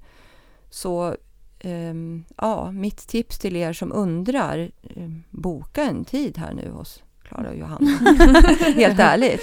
Men jag, Eh. tänk, ja, förlåt, jag tänker att eh, eh, just det här som du sa med vad man gör i vardagen, för Mm. det är ju en sån sak som många är ju rädda, så, ah, men får jag ha vikt och kan jag ha det här? Och så tänker man så här, men vänta om du tänker bara dina barn, du har ett, ett Ja. stora syskon till den nyfödda Ja. bebisen som väger typ Ja, 15 kilo som du går runt och bär hemma och så tycker man det är lite läskigt att ta en 8 kilos kettlebell och göra knäböj med. men jag förstår inte vad det är man är rädd för. Vad är det man tror ska hända? Ja, men jag tror att det är kanske okunskapen, Ja. att man tror att kroppen inte ska klara, man ska få ont, man är väldigt Ja. rädd för att få ont. Ja, Men Jag tycker Fast- också det är lite träningsbranschens fel. Mm. På ett, alltså, en del av det här är ju att träningsbranschen har sålt in sitt koncept på fel sätt i många år, där man har gjort, man har försökt skapa koncept av allting, Ja. vilket ska vara väldigt avancerat. Mm. Typ, du måste ha en matta med nio siffror på för att kunna hoppa fram och tillbaka. I, alltså, det, du, Klara älskar tredje träning. Vi tränar nämligen aldrig i tredje annars när vi Nej, tränar. aldrig Nej. någonsin Alltså just aldrig att- gjort innan heller Nej, faktiskt. precis. Och Nej. Jag, jag såg något mamma-träningspass på Instagram där kvinnor gick omkring med 12 kilos kettlebells som Mm. farmers walk och jag bara tänker så här, min matkasse är tyngre än det där Mm. när jag går och handlar och det är Mm. deras också. Mm. Men man tänker liksom inte just det här Nej. vardagen, eh, det, vi säger nästan alltid det på våra workshops, om vi, om vi belastar de rörelser vi gör i vardagen i gymmet så blir vi starkare i vardagen, punkt. Det är liksom inte svårare än så. Men alltså, träningsbranschen ska ha sina så här fyra, det här är en ACD-komplex eh, Mm. muskulär Mm. en ATM-kurs. Mm. Och, och vi har gått på det och det är för att man har trott att man säljer som att man säljer en bil som har massa funktioner. Mm. Medan istället det som vi säljer på, Johanna och jag, det är ju att vi är trevliga. Alltså vi gör ju ingenting som är unikt. Vi gör knäböj, pressar och sådana saker. Men varför våra kunder gillar oss är för att vi kan relatera för att vi själva är två föräldrar som lever ett liv och liksom, det är ju allting runt omkring Mm. träningen som är viktigt. Mm. Men Jag säger bara heja dig, för att det här är, det här är precis min åsikt. Jag är så urless på koncept. mm, Jag tycker att eh, eh, titta på den du har framför dig. Eh, vad har du för förutsättningar? Vilka är dina svagheter? Och så skapar man de bästa förutsättningarna utifrån det och så bygger man upp. Med, och som tränande så behöver man också förstå att saker tar tid. Man behöver ha lite tålamod. Det tar ett visst antal veckor för kroppen att vänja sig vid en viss belastning. Det tar dubbelt så lång tid för leder och ligament. Så ha inte så bråttom. Det är också någonting som jag möter idag, att tjejer har så jäkla bråttom. Därför att man tror att livet är som det är för influencers som ligger i badkar med rosenblad när de är höggravida eller nyförlösta. Det är inte verkligheten. nej. Eh, utgå ifrån dig, dina förutsättningar, dina utmaningar. Alla är vi unika. 3D-träning, det vill säga att du rör dig i, i olika rörelseplan, Mm. det gör du alltid, Ja, hela det tiden. var grunden Men när vi utbildade oss Ja, i PTs. och det är inte alltså svar, det, liksom all, det passar inte alla heller. Det är Mm. också det som är så viktigt och att det skulle på något sätt vara svar på livets frågor. Ja, ja, Mm. bara jag gör det här så kommer allting att lösa sig. Vad är bäst säger ofta många till oss. Mm. Vad är bäst? Mm. Men, och, och det där tänker jag, just det som du sa Maria, det här med leder och ligament, för det tror jag egentligen är en sån sak som man kanske inte tänker Nej, på. Man Utan man, man tänker att kroppen är så här, ja men jag är ju ändå stark och så här, nu känner jag så här, tillbaka och, men just att de, de delarna, det tar väldigt mycket längre tid. För mig har det varit jätteuppenbart på egentligen mina två första barn, för att just så här, jag gick väldigt snabbt så liksom också blev, såg väldigt fit ut om man Mm. nu Mm. kategoriserar så. Mm. Eh, och man. tränade liksom mycket och högintensivt och hå- hårt på det sättet, pulsmässigt. Eh, Medan jag på mitt nummer tre barn tog det väldigt mycket lugnare, lät kroppen, jag ska ändå säga läka själv, Mm. för det är ändå det en process som den gör. Den ska liksom någonstans hitta tillbaka liksom de här grejerna som faktiskt sköter sig själv. Och valde att vila när jag var trött istället för att gå och träna. Eh, och eh, tränade och också just började mycket lugnare med att faktiskt göra de här basövningarna, Mm. bara att jag hade lättare vikter och där typ bäckenbotten bestämde och så vidare. Vilket ju också blev en jättestor skillnad i att jag inte fick ont någonstans. Eh, och så vidare. Och det var faktiskt en fråga som vi fick bara häromdagen. Mm. Att, av en eh, tjej då som eh, nu ville börja träna och så skrev hon så här, men ska jag vänta lite med de tyngre lyften och, och jag tänker att jag kör lite kondition och hög reps istället. Mhm. Och jag vet inte, vad, hur tänker du där liksom? Nej, men jag, jag tänker att, jag brukar säga så här att de första 6 till 8 veckorna så rä- räcker det alldeles, alldeles nog. Det tar ungefär 6 till 8 veckor för de reproduktiva organen att återgå till sin, alltså livmoder och sluta blöda. Och så dessutom man, är man ofta ganska, speciellt om det är första gången, eh, ny i sin roll. Så promenader och bäckenbotten och sen brukar jag säga köp en gummisnodd och gör lite liksom snoddövningar, rodd Mm. och sånt, för det är ju inte belastande på något sätt, men för att få upp, liksom jobba lite med hållningen. Och så tänka på hur man går och står, hur man kör sin vagn och lite så. Och sen gå på efterkontrollen, eh, så, som många tänker, "Äh, jag vill inte göra någonting för att gå på efterkontrollen. Men där kan, där kan vi faktiskt flytta ut och säga, känns det bra så är det bra, var inte så rädd. Däremot så säger jag, ha inte för bråttom. Jag brukar säga, take it slow, you just had a baby. Det, vi behöver lite också, idag, eh, det finns, problemet i vårt jobb är att det finns de som vi behöver pusha och så Mm. finns det de som vi behöver hålla tillbaka. Så lite lagom här. Jag tycker som du gjorde Johanna är toppen. Eh, men successivt börja belasta när du känner att, att du har kontroll på din bäckenbotten och din hållning och så. Så absolut börja eh, jobba, men komma ihåg att det tar sin tid för muskler och ligament. Så det betyder att samma vikt som du börjar med behöver du behålla ungefär 12 veckor för att sen med optimal liksom förstärkning, kanske lite mindre, kortare för andra, det är oren, men någonstans där. Och sen brukar jag säga att stöt och hoppträningar rekommenderar jag att man väntar med ett halvår faktiskt. Sen så finns det, jag har inte hittat några studier som säger att det är liksom, man får absolut inte, kanske inte därför att någon har forskat på det, men däremot så har jag sett av erfarenhet att man får ofta lite liksom tyngdkänsla och ont i bäckenet så man kan mm. konditionsträna på annat sätt. Det finns ju massa, man kan cykla, man kan ro, man kan gå på en stairmaster eller så. Mm. Och sen, det tar ungefär ett år för kroppen att helt återanpassa sig faktiskt. Men att successivt trappa upp träningen som att du aldrig hade tränat innan. Och har du tränat innan, ja då kommer det gå snabbare mm. sannolikt. Mm. Men var inte så rädd. Och du kommer kanske vara ungefär där du slutade. Ja. Där kommer du kanske kunna börja, förutom att det blir en viss annan, för du har ju helt plötsligt en mage som inte mm. har den där utfyllnaden, mm. men den är ju fortfarande inte liksom... Nej, och sen är det så här, för att svara på din fråga där med vad är det man vill uppnå? Är det max, är det liksom styrketräning, uthållighetsträning, konditionsträning? Vad, vad är syftet med träningen? Mm. Det är ju Olika saker? Ja, det är olika saker. Och sen en sak till som jag tyckte var bra som du sa Johanna, som jag verkligen vill trycka på det här med att när jag var trött så tränade jag inte. Därför att det är helt meningslöst att träna när du mm. är trött för att du bryter ner kroppen om du är, är liksom eh, inte har sovit bra. Så då är det bättre att gå en promenad, tanka D-vitamin, rensa huvudet, andas. Mm. Mm. Tyvärr så tror jag att det är alldeles, och jag vet inte, jag blev väl klok på barn tre liksom. Jag gjorde ju ändå ja. två smällar innan. Men eh, det är ju också det här med liksom att jag upplever att många tränar, trä, träna, att komma igång efter en graviditet och träna, att eh, för många ligger i att gå ner i vikt. Ja, bara skulle jag säga. Ja, mm. inte så här, nu ska jag träna för att jag ska vara stark Nej. i att orka Nej. med mitt barn. Typ. Och du vet vad jag, när vi träffades på utbildning, jag brukar säga att eh, tänk eh, rörelse och funktion istället för muskel och estetik. Mm. Vi måste liksom, vi behöver ändra fokus när det gäller vår träning. Det kan vara en motivator att liksom vilja gå ner i vikt och det är därför man börjar, men det ska inte vara huvudsyftet, utan det här är en livförsäkring som du betalar för nu, precis som du borstar tänder eller försäkrar en bil eller ditt hus, liksom, för att orka och mm. må bra. Och jag blir så på ren svenska, jäkla trött där. Jag är så trött, jag orkar inte. Nej, men det är för att du är så förbannat inaktiv. Alltså det går ju inte att vila sig i form.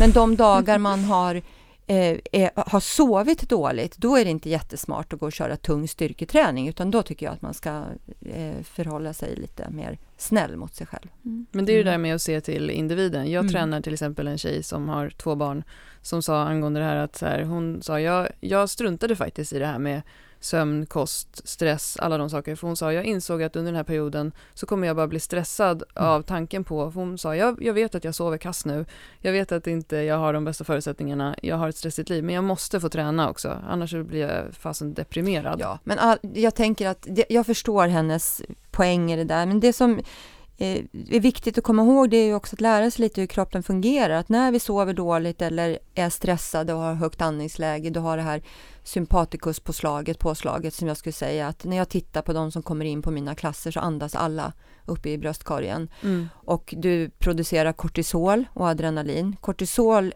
eh, är ett stresshormon som dessutom också eh, håller kvar fettet i våran kropp. Så är du stressad och tränar för att gå ner i vikt, då kommer du inte få några som helst resultat.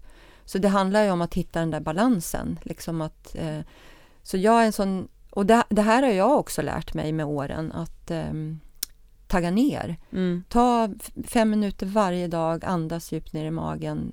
Liksom, sätt på en, om du har svårt att koncentrera dig, sätt på en podd eller en bo, ljudbok som hjälper dig med det där att andas. Kom mm. ner i parasympaticus. Mm. Ja, Då kommer det hända grejer. Mm, det minns mm. jag så väl, för att eh, jag, jag har ju varit på din utbildning två mm. gånger mm. Eh, med flera års mellanrum, vilket också är ju någonting när man jobbar med saker, att hela tiden eh, våga ändra, våga lyssna på ny forskning som kommer och så vidare. Men och då vet jag i alla fall att du båda de här gångerna sa att så här, men just när man jobbar med sina PT-kunder att och jag kunde ju bara relatera till mig själv då, för då hade Mm. inte jag, första gången hade jag inte haft så mycket kunder, medan andra gången så var det en helt annan sak. Men just det här med att här, ta några minuter i slutet och bara låta dem andas och komma ner lite i varv. Och så tänkte jag så här, "Gud, hur många gånger gjorde jag det när jag var gravid? Eh, noll, zero, typ aldrig. Mm. Men eh, så spännande just hur Mm. liksom, fokuset ligger så mycket på att hela tiden eh, träna, träna, träna, träna istället Mm. för att också den här liksom lite som man kan ha ganska stor nytta av Mm. eh, också under sin eh, graviditet. Mm. Och andningen är ju liksom, det har man ju kommit på mer och mer, att eh, den är så oerhört viktig för resultat och välmående. Och vi, idag så har vi skapat ett samhälle där vi hela tiden är uppkopplade och påkopplade och tillgängliga och eh, tar oss snabbt till och från eh, saker. Jag, jag vet inte, det här blir en parentes, men jag tycker det är en intressant reflektion. Jag skickade, jag vet inte om ni har sett den här, nu gör jag lite reklam, eh, Netflix-serien som heter eh, Störst av allt. Jag har Nej, inte sett jag har den. sett Men de har har gjort reklam för den. Så. Ja. Ja. Mm. och den, jag tyckte den var fruktansvärt otäck, men sevärd. Mm. Och då skickade jag till en av mina nära vänner, så här, den här ska du se med dina kids. Liksom. Mm. Ja, vi har redan försökt, de tycker att den är för långsam. Jag bara, Mhm. Ja. Alltså det, det är någonting eh, med, med det här snabba, att saker måste ske så fort. Liksom. Mm. Vi är så på och hela tiden prestationsinriktade. Och när, när vi liksom sätter oss i en stol så måste vi hålla på med någonting. Jag, bruk, jag jobbar ju som profylaxinstruktör också, så de brukar få som läxa att bara en minut göra ingenting. Jättemånga som har svårt med det. Mm. Det tycker jag är spännande. Mm. Mm. Det är ju hemskt. Ja, jag det är det jag faktiskt. tänker ofta på de, den typen av kunder som Johanna och jag har, för det är ju en viss typ av kund som har råd att träna med PT, befinner sig i en viss fas av livet, så det är både liksom ekonomi och förutsättningar, men det är mycket de här karriärskvinnorna. Och jag eh, har en kund som eh, jag la märke till att varje gång hon kom till mig så kom hon liksom typ på minuten timmen ska börja inspringande, har ett sånt riktigt karriärsjobb. Eh, rusade in och bytte om och sen körde vi igång och sen så efter en stund gick hon alltid på toaletten. Sa hon så här, jag måste gå på toaletten. Så tänkte jag så här, jag måste fråga henne om hur det går med det här med knipet. Kan det vara så att hon läcker? Mm. Så då sa jag, du, ehm, hur är det med knipet? Läcker du? Jag noterar att du måste gå på toaletten. Och då sa hon, nej men jag hinner inte kissa in, mellan att jag går från jobbet och går till träningen. Eh, och då Oj. tänkte jag bara, Jesus. Så att nu börjar jag varje timme med henne med att hon får ligga ner på golvet en stund.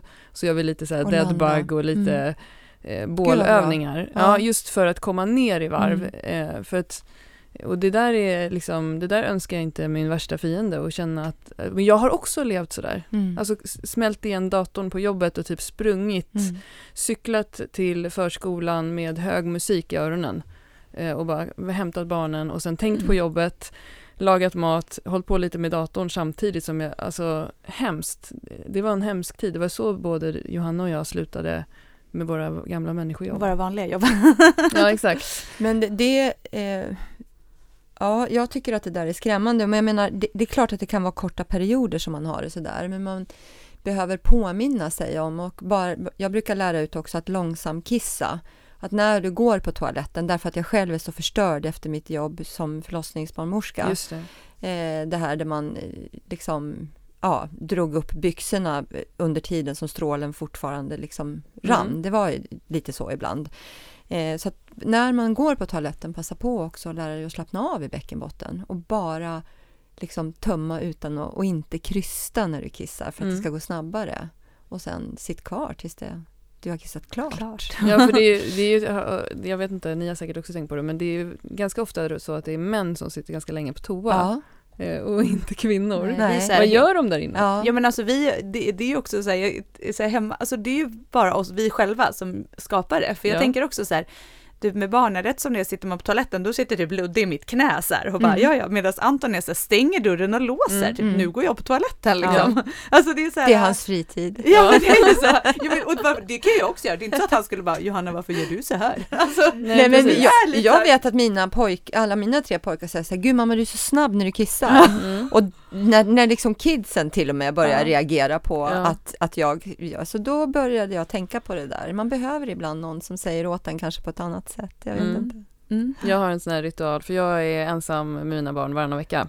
Och den veckan, det, den börjar precis ta slut nu så nu börjar jag känna att jag, mitt huvud Varvar börjar upp. bli Mm. lite så här, ja jag har lite mer lättirriterad med Mm. kidsen och sådär. Och då har jag, då badar jag på kvällarna. Så jag säger alltid till mina barn, eh, nu är det vuxentid. Har ni gått på toaletten? Sen låser jag in mig i badrummet. Så jag släcker, det är flera som har sagt, har du verkligen släckt? Jag släcker, Ja. tänder ljus, Mm. badar Bra! Varje kväll. Det, det, vet du, det är helt perfekt. Mm. Förutom att jag blev väldigt uttorkad i huden. Ja, men då får du ha lite badolja Ja men det är det jag börjar med nu. Barriär- Barriärhudvård. Ja. Ja, det är skönt. Ja. Ja. Jag har lite att jobba på det där. Klara har försökt med mig några gånger att lägga mig ner och lyssna på någon typ av musik. Jag tittade på min Spotify-lista här för ett tag sedan när jag gjorde ett försök. Där hade jag en Mm. så här, då var det de mina senaste lyssnade listor var så här regnskogsmusik, vattendroppar. Jag liksom hittade inte riktigt det Nej. som fick mig att slappna av. Men jag jobbar på det. Men vet du vad, det finns ljudböcker, för jag, jag jobbar och jag tänker så här att man blir bra på det man tränar. Mm. Man, det går inte på en gång att lära sig Nej. någonting, det funkar inte, man behöver göra det om och om och om, och om igen. Ja. Eh, och jag hade en period där jag hade jättesvårt att sova, så då hade jag en av de här ljudboksapparna och då hittade jag en bok som heter eh, so Sova och somna om. Mhm. Och den är 25 minuter och då får man liksom guidad meditation, någon som jag vet inte hur den där slutar. Jag har Nej. aldrig kommit till slutet. Jag bara, Nej, det är bra. Det är så tråkigt liksom. Nej, nej, men den är, så, nej, den är inte tråkig. Den är faktiskt inte tråkig. Utan hon guidar, hon är fantastisk. Men Okej. jag, är, jag, jag kan inte lyssna på vilken röst som helst. Nej. Man måste hitta någon som man gillar. Liksom. Ja. Men det är ett, ett smart sätt. Mm. Du får försöka hitta din, ditt Mm. nedvarvnings... Jag har ju dock inget problem att somna, det gör jag ungefär Nej. på två sekunder när jag Mm. lägger ner huvudet på kudden. Ja det gör du varje gång du sover över hos mig. Ja. Så vänder jag mig om och går och hämtar något köket, kommer tillbaka, ligger du och sover. Ja, nej, men det har jag faktiskt. Men just det här att slappna, det är ju intensivt. Herregud, man kommer hem från jobbet. Jobbet för mig är ju lugnt när man kommer hem, när det börjar liksom, som jag skickade Vardagen. till dig, Ja. fick en lista till Klara igår, liksom så här, hämta fyra barn på skolan, hem, eh, byta om, köra till träningen, leka lite vid träningen, hem, laga mat till första gänget, kompisar som kommer som ska ha middag och sen så är det Ludde som Mm. vill äta ärtor medan man lagar mat och så kastar han ut dem på golvet. Ja men så är det ju och det är ändå härligt i sig men man, man vet ju då att man liksom när man då sätter sig klockan halv nio när barnen väl hade somnat igår och nu är jag också själv den här veckan så det brukar inte vara så annars men då vad heter det, då fattar man ju varför man somnar liksom. Ja. Man bara, vänta nu, Mm. när satte jag, just det, jag satt klockan två på jobbet, ja bra. men det är ju så verkligheten är och det är ju Mm. liksom en del i det. Så, Ja. men, men slappna av är faktiskt bra, det är en Ja, take det jag... måste vi bli bättre på och framförallt när du är gravid, att träna på det här för att det är under avslappningsfasen av kroppen, alltså i det parasympatiska nervsystemet som du föder barn, inte Mm. när du har flight and fight på.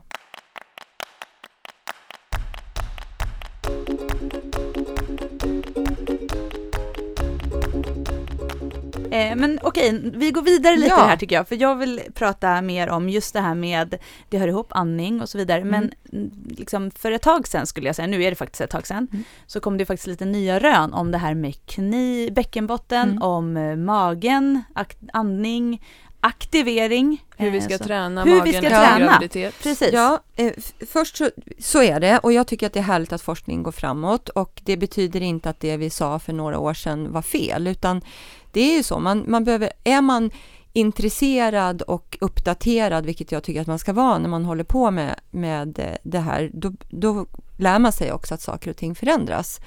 Eh, så nu ändras lite riktlinjerna och eh, Eh, Det tycker jag är bra för att i min värld så tycker jag att det här stämmer mer överens med den erfarenhet jag har själv. Sen är det så att man, man ska luta sig mot forskning och då gör man det och så. Eh, men det man tidigare rekommenderade det var ju att man skulle hålla på att dra in naveln och liksom tänka sig smal och minska midjemåttet och så. Och idag säger man ju precis tvärtom. Och det är klart att det här blir en, eh, en svårt att lära om, för vi är skitdåliga på att lära om. Om vi en gång har lärt oss så gör vi ofta på det sättet som vi alltid har gjort. Men här har man ju sett hur viktigt, och det vi, där, jag tror du menar Johanna, det här med andningen, att om du lär dig att andas optimalt på ett korrekt sätt och då är förutsättningen att du också har en god hållning. För att när du har en god hållning där du staplar alla leder på varandra och foten är planterad ordentligt i, i golvet eller underlaget, då förhåller sig också bröstbenet i rätt position och då diafragma då som är vårt tak i andningsmuskeln och bäckenbotten som är våran botten jobbar synkroniserat. Så när du andas in, och då ska du tänka att du andas in nere i bålen. De flesta av oss tänker att vi ska andas högt upp och vilket vi gör när vi är stressade. Så därför också är det skitviktigt att lära sig andas rätt. Men tänka att du andas, om du sätter händerna i din midja och så tänka att du andas ut mot mot dina händer. Inte så mycket framåt som att vidga utan mer expandera åt alla håll så att du blir jämn tjock. För att när du jobbar på det sättet så kommer bäckenbotten jobba synkroniserat och bli tvungen att hålla emot det här bäcktrycket, buktrycket som blir. Och då eh, får du ju lite automatisk bäckenbottenträning. Sen ska du inte krysta för att öka det här trycket och i synnerhet inte om du är nyförlöst eller, eller är gravid, för då blir ju pressen kanske lite mer, liksom, inte skadlig, men lättare då att man får problem med att kissa på sig. Så någonstans liksom 50 procent, vad nu det är. Det kan mm. ju vara jättesvårt, men man ska känna att man liksom har kontroll. Eh, och, och sen har man ju också sett, tidigare så sa man att man kunde isolera den här transversusmuskeln. Ja, alla muskler jobbar tillsammans. Det går inte. Vi har ju rörelsekedjor så att gör du någonting i höger hand så påverkar det i princip hela kroppen därför att allting hänger ihop. Mm. Så du jobbar ju med alla muskler i din bål. Eh, och det är ganska många muskler och framförallt rygg och eh, höft, sätet, är ju lite mer, alltså vi har ju många muskler som är, jobbar tillsammans. Tidigare så sa man att man absolut inte fick göra små crunches eller små sit-ups. Idag har man med ultraljud och MR-kameror sett att om du slår på den här aktiveringen, det som på fackspråk kallas för bracing, att man har lite känslan av att man hostar som du sa tidigare Johanna, eller ett litet knytnävsslag i magen och gör små crunches så mm. går, har man sett ett mycket bättre resultat att få ihop mm. muskulaturen, att man stärker den på ett annorlunda sätt. Så ja, nu får vi lära om. Mm. Eh, men andningen, lär man sig att andas rätt så får man också en, en automatisk träning utav bäckenbotten. Men när är det, det tycker jag är en svår fråga som jag får ibland. När är, är det då man är redo? För att om man tänker sig att en muskel är skadad, jag har skadat armbågen eller knät mm. så kom, och går till en fysioterapeut så kommer jag få jobba med isolerad aktivering av den här muskeln för ja. att väcka den till liv igen. Mm. Vilket vi kan behöva göra de här 6 till 8 första Exakt. veckan efter en graviditet. När bäcken, vi måste liksom återfå bäckenbottens grund. Men när är jag redo att aktivera bäckenbotten i den här symfoniorkestern mm. med hela bålen? Mm. Då skulle jag säga, och det är därför jag säger att eh, oavsett om du har fött eh, med kejsarsnitt eller fött vaginalt, eh, så är knipövningarna det, liksom det primära som du gör. Helst börja redan på liksom BB eller eftervården på sjukhuset och lära dig. Och har du då liksom kniptränat under graviditeten, då kommer det ju vara betydligt enklare för att hitta muskulaturen. Så det, är, det ska du göra och i synnerhet om du har en bäckenbottenskada, då är det ju jätteviktigt att vi träna muskeln för att få igång rörligheten och cirkulationen och, mm. och så. Och har du fött med, med kejsarsnitt så kan, ska du fortsatt knipa för du har ju belastat bäckenbotten med, med bebisen. Eh, så man behöver ändå, och sen brukar jag rekommendera att man masserar lite kejsarsnitt ärret så att det inte blir så hårt och ärrfyllt utan med någon olja lite så. Så det kan man ägna sig åt när det har börjat läka förstås. Det ska inte vara precis akut snittat. Mm. Eh, men det tar ungefär jag skulle säga det tar ungefär kanske 6-8 veckor innan stygnen försvinner. Ibland kanske bara 2-3 beroende på vad man har sytt med för typ av tråd. Eh, men det, det gör ingenting att du har stygn kvar när du kniptränar. Men när man är läkt och känner att man har förmågan så gå på efterkontroll. Mm. Jätteviktigt så att barnmorskan kan göra en gynekologisk undersökning. Och idag har vi i alla fall i Stockholmsregionen gjort ett gigantiskt arbete när det gäller just eftervården. Vi måste bli bättre på det och vi har blivit bättre på det. Eh, och eh, vi vet idag vart vi ska skicka om man eventuellt känner att vi klarar inte av det här utan du behöver vidare hjälp av en fysioterapeut eh, eller en uroterapeut, de som jobbar specifikt med bäckenbotten. Så gå på efterkontrollen och sen skulle jag säga att kanske efter en ja, 8-12 veckor kan man absolut börja med den här typen av symfoniorkester. Mm. Mm. Det tycker jag. Men ändå fortsätta knipa? Ja, absolut. Det ena behöver inte utesluta det andra. Mm. Utan, men att inte bara hålla på med knipövningar, för det finns, vi träffar ju också tjejer som har liksom lite överaktiverad mm. bäckenbotten. Så, mm. Och här, i, här kommer ju andningen. För om du andas optimalt så får du ju också en avslappningsfas i både diafragma och eh, bäckenbotten. Jag var hos min kollega här när jag hade en axelskada för ett tag sedan, eh, Rebecka som jobbar som kollega till mig på Safe. Och hon masserade min diafragma. Mm. Men jag blev nästan helt hög. Det var som att saker och ting bara släppte, för jag hade gått omkring med liksom lite konstant spänning i min diafragma och sannolikt säkert också i min bäckenbotten, för Mm. att man inte har andats på det där braiga sättet. Jag som har nördat ner mig lite i det här på sistone Mm. eh, har också sett eh, en del amerikanska fysioterapeuter eh, som just masserar bäckenbotten också. Ja. Eh, men det är ju ingenting som jag kan som personlig Nej, men det finns, göra. det vet jag att det finns fysioterapeuter här i Sverige också som gör och Mm. att man, man gör och eh, nu har man ju från sjukgymnast så, eh, så har man ju nu en mer gedigen och blir fysioterapeut. Sen kan man ju specialisera sig idag som fysioterapeut, att man blir liksom duktig på vissa områden och då är det ju några som här i Stockholm som jag bara kan svara för som jobbar specifikt med obstetrik och gynekologi. Mm. Och det är ju kanon att vi får flera liksom yrkeskategorier som att vi liksom det du är bra på, det ska du göra. Mm. Vi, vi liksom, jag tycker det är super att det på det sättet. Och ni som är bra på träning, ni ska hålla på med det. Mm. Jag som är bra på kvinnohälsan ska göra det. Att vi kanske inte ska göra allting, alla, Nej, utan skicka, Skicka till de som är specialister. men Mm. finns det någonting man kan göra själv? Nu frågar jag för mig själv för jag tror, jag- man jag tror att jag har en överaktiverad bäckenbotten. Ja, nej men jag, ja, det kanske skulle vara att du, det, jag, tror, jag tror framför allt på andningen Klara, att Mm. verkligen träna på att ta dig minuter och verkligen känna att du liksom har andetaget här djupt här nere, händerna mot midjan, händerna ner mot mm. naveln och sen känna att det är där du andas, Mm. så tror jag. Sen får du väl kanske gå in med fingret så får du väl massi- Stretcha lite. stretcha lite och lite triggerpunkter. Jag är Massera inte så bra på bäckenbotten. bäckenbottenmassage, jag ska, inte uttala mig om det. Jag vet faktiskt inte riktigt hur de Nej, gör. det, det är väldigt spännande. Mm. Och jag ty- och det är, varför jag frågar är också för vi, har ju, vi håller ju på att recensera knipprodukter nu, Mm. jag och Johanna, och jag får ju sån här uh, corgasm när jag kniper. Mm. Och, det, och jag tänker att det kan ha att göra med att jag är lite Lite överaktiv. tens. Mm. Ja, men jag tänker också att eh, det här med symfoniorkester, isolerat knip, att för mig, eh, nu mitt nästa mål i knäböj är att böja 110 kilo. Jag har gjort 105 precis. Wow. Ja, men då tänker jag att jag måste ju också knipträna Ja. där då. Mm. Det är ju där min, det är de kraven jag ställer på min bäckenbotten. Att kunna göra 110 kilo utan att få något problem med min bäckenbotten. Mm. Och då räcker det ju inte för mig att bara eh, ligga hemma på sängen eh, och knipa Nej, och tänka. Utan nej. jag måste ju ta med mig det här Ja. hela vägen in i gymmet. Det och det är här jag upplever att den stora frågetecknet finns. Mm. Alltså när, hur länge ska jag knipa och när ska jag sluta med det och när, liksom, när tar jag det vidare? Och det är det jag tycker det är så spännande. Men jag, ja, tror att vi någonsin får något liksom, direkt svar på det? Jag tror Nej. Att, nej, för att det är ju också individuellt. Det, jag tänker att Det är väl snarare när problemet, hade det varit så för mig nu, jag vill böja 110 kilo, vid 100 kilo får jag urinläckage. Då är det ju någonstans, men jag får inte det vid 80, Nej. 90.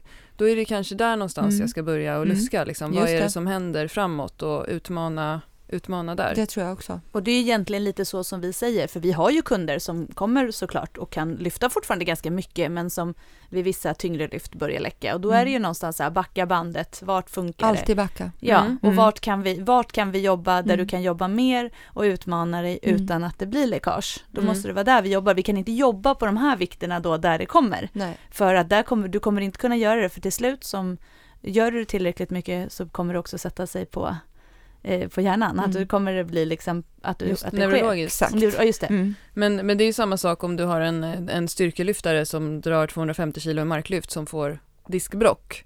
Då kommer ju den per, personen först att jobba med just de här sakerna, buktryck, knipa till en viss början. Ja. Men sen måste ju den här personen tillbaka och utmana, Utmana. Ja. och jobba med vikter som den klarar av Du utan blir smärta. bra på det du tränar. Ja, Alltså det, och det, man är ju inte starkare än sin svagaste länk. Om man tittar på klipp med liksom tyngdlyftare som verkligen, och de som jobbar optimalt med sin andning, det är ju skitcoolt att se hur det Mm. är liksom helt symmetriskt i, liksom, mm, i bålen. Det är inga indragningar på det, så de, de verkligen nej. har det där buktrycket. Men det är många tjejer, jag får också den här när och när ska jag börja och hur Och är det Man känner farligt? sig lite rädd. Ja, och jag vill, jag, nu säger jag det på en gång igen. Var inte så rädda. Nej. Utan för vad är det värsta som kan hända? Du kommer inte att dö. Ja, du kanske får en liten tyngdkänsla Mm. ner mot eh, bäckenbotten. Ja, men då, då ska du säga, ja, men då ska jag inte göra den här, utan nu behöver jag träna upp det här lite mera. Det kommer inte vara så att under ett träningspass så kommer livmodern att hänga ut om du inte liksom tokspringer, tokhoppar. Mm. Och det, ju- alltså de flesta är ju väldigt försiktiga i början. Testa dig fram. Mm. Jag vet att jag tidigare har sagt att man kanske inte ska säga känns det bra eh, så är det bra. Det kan man säga om man också får verktyg att det här kan du göra. Mm. Så känns det bra, då är det bra. Men får du ont under tiden eller efteråt eller i nära anslutning, nej men då kanske du ska ändra på någonting. Och känner du dig osäker på vad det är du ska ändra, nej men ta hjälp. Det finns personliga tränare, Mm. fysioterapeuter. Mm. Och Be just om hjälp. om vi ska sammanfatta, vad är det man ska se upp för då? Vad är de negativa känslorna man kan ha? Till exempel att man läcker, har Ja. varit inne på. Tyngdkänslan ner mot bäckenbotten som ofta inte handlar om att man har fått ett framfall utan mer att den främre vaginalväggen, alltså taket, Mm. är lite trött Mm. och liksom bubblar ner lite grann. Eller att man får ont i leder. Så de signalerna, och då Ja. är det egentligen så att har man inte de här problemen så är det ju bara att fortsätta med det man gör. Mm. Alltså du behöver inte laga något som inte är trasigt. Exakt, men trappa upp långsamt, Mm. som vi sa. Det Mm. tar en viss tid för leder och ligament och muskler att vänja sig vid belastningen. Mm. Men jag, jag vill bara eh, vad heter det, återkoppla en grej, eh, för vi pratade lite om det och jag vet att du sa det i Stockholm jobbar vi med det när det gäller återbesök. Mm. Ehm, att vad ska man ställa för krav på sina återbesök? För jag kan tycka, där tycker jag, och som sagt det är förmodligen skillnad här, men Mm. det är inte här alla Nej, i Stockholm alla lever. nej, vi har liksom- inte nationella riktlinjer. Nej, och vad kan man ställa för krav liksom och be eh, sin Nej, men när, vi, när vi arbetar så har vi ett, eh, en liten mall som vi lägger fram framför mammorna så får de lite så här styra vad de vill prata om. Och då är det liksom bubblor, ett bubbelpapper med eh, parrelationen, föräldrarollen, förlossningsupplevelse, bristning, bäckenbotten, träning, sexlust, preventivmedel och så får de lite styra. Men alla de där bubblorna ska ju vi eh, ha kunskap kring. Så är det nu så att du bara vill prata träning och bäckenbotten, ja men då ska din barnmorska kunna svara på det. Och skulle det vara så nu att den här barnmorskan känner sig osäker, då kanske man kan boka in en tid hos en kollega. Alltså det går ju oftast alltid att lösa, men jag tycker att man, man ska ställa krav på, om, om, om vi nu pratar i vårat träningssammanhang, att få en ordentlig gynundersökning. Eh, att få instruktioner om hur man kan jobba upp sin bäckenbotten och vad det eventuellt kan bero på. Och är det så att barnmorskan gör en bedömning att vi behöver remittera vidare, då ska vi göra det. Eh, ett återbesök igen, för om det, om det är så att du är för svag, du behöver träna Ofta så är man svag i det här att lyfta upp. Man är jätteduktig på att dra ihop, men inte så duktig på att lyfta.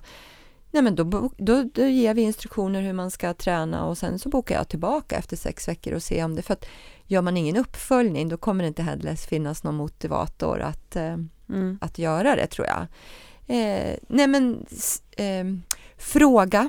Fråga, fråga, fråga alltid det du undrar över. För vi är inte... Där kan jag ibland känna att vi blir lite orättvist eh, behandlade därför att eh, jag fick inte det av, av min barnmorska och då brukar jag säga, men frågar du? Nej, men det ska ju hon veta. Mm. Alltså, förstår ni? Mm, Det är mm, så här, mm. vi är inte tankeläsare, utan frågar inte du eller har funderingar kring saker, då antar jag att du inte har det. Mm. Eh, och en del känner så här, men jag vet inte vad jag ska fråga. Nej, men Mm.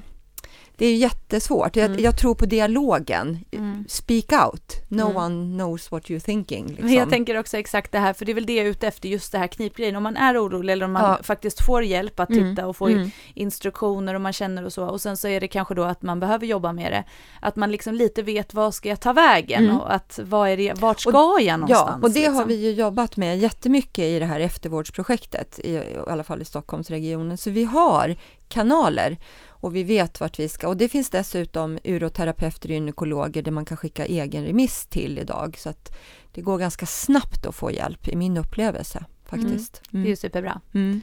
Det är fortfarande lite det här, det finns, det finns fortfarande tyvärr de som kommer som hamnar i lite det så här, du får ju Jag faktiskt, vet. du har ju fått barn. Ja, Åh, Ja, jag vet. Mm. Men, men det, är, det, kom, det försvinner mer och mer. Ja, det bra. blir liksom, Mm. det blir mer. Men Mm. tyvärr så, jag har några som, men, Ja. men då har vi hjälpts åt att hitta vart, vart man kan gå. Det finns ju som sagt kliniker där Ja. man är specialiserade. Det är jättesynd att man får den. Det är klart att, att kroppen kommer ta lite stryk av att du har fött ett barn, men det betyder ju inte att du aldrig kommer komma tillbaka. Nej. För jag kan säga att jag har nog varit mer vältränad efter mina, i alla fall två första barn. Sen var jag lite äldre när jag fick mitt tredje. Eh, så att eh, det går absolut att komma tillbaka.